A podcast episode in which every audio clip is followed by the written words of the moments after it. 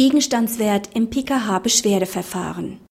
Der Wert eines Beschwerdeverfahrens betreffend die Gewährung von Prozesskostenhilfe bestimmt sich nach dem Wert der Hauptsache. In einem Verfahren über die Gewährung von Prozesskostenhilfe erhob die Partei Beschwerde und Rechtsbeschwerde. Der BGH setzte den Streitwert auf den Wert der Hauptsache fest. Die dagegen erhobene Gegenvorstellung hatte keinen Erfolg.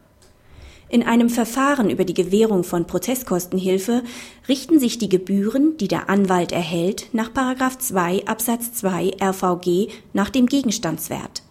Die Höhe des Gegenstandswerts bestimmt sich nach Anmerkung zu Nummer 3335 VV RVG und ist dem Wert der Hauptsache gleichzusetzen. Dies gilt auch für ein Beschwerde- oder Rechtsbeschwerdeverfahren. Praxishinweis.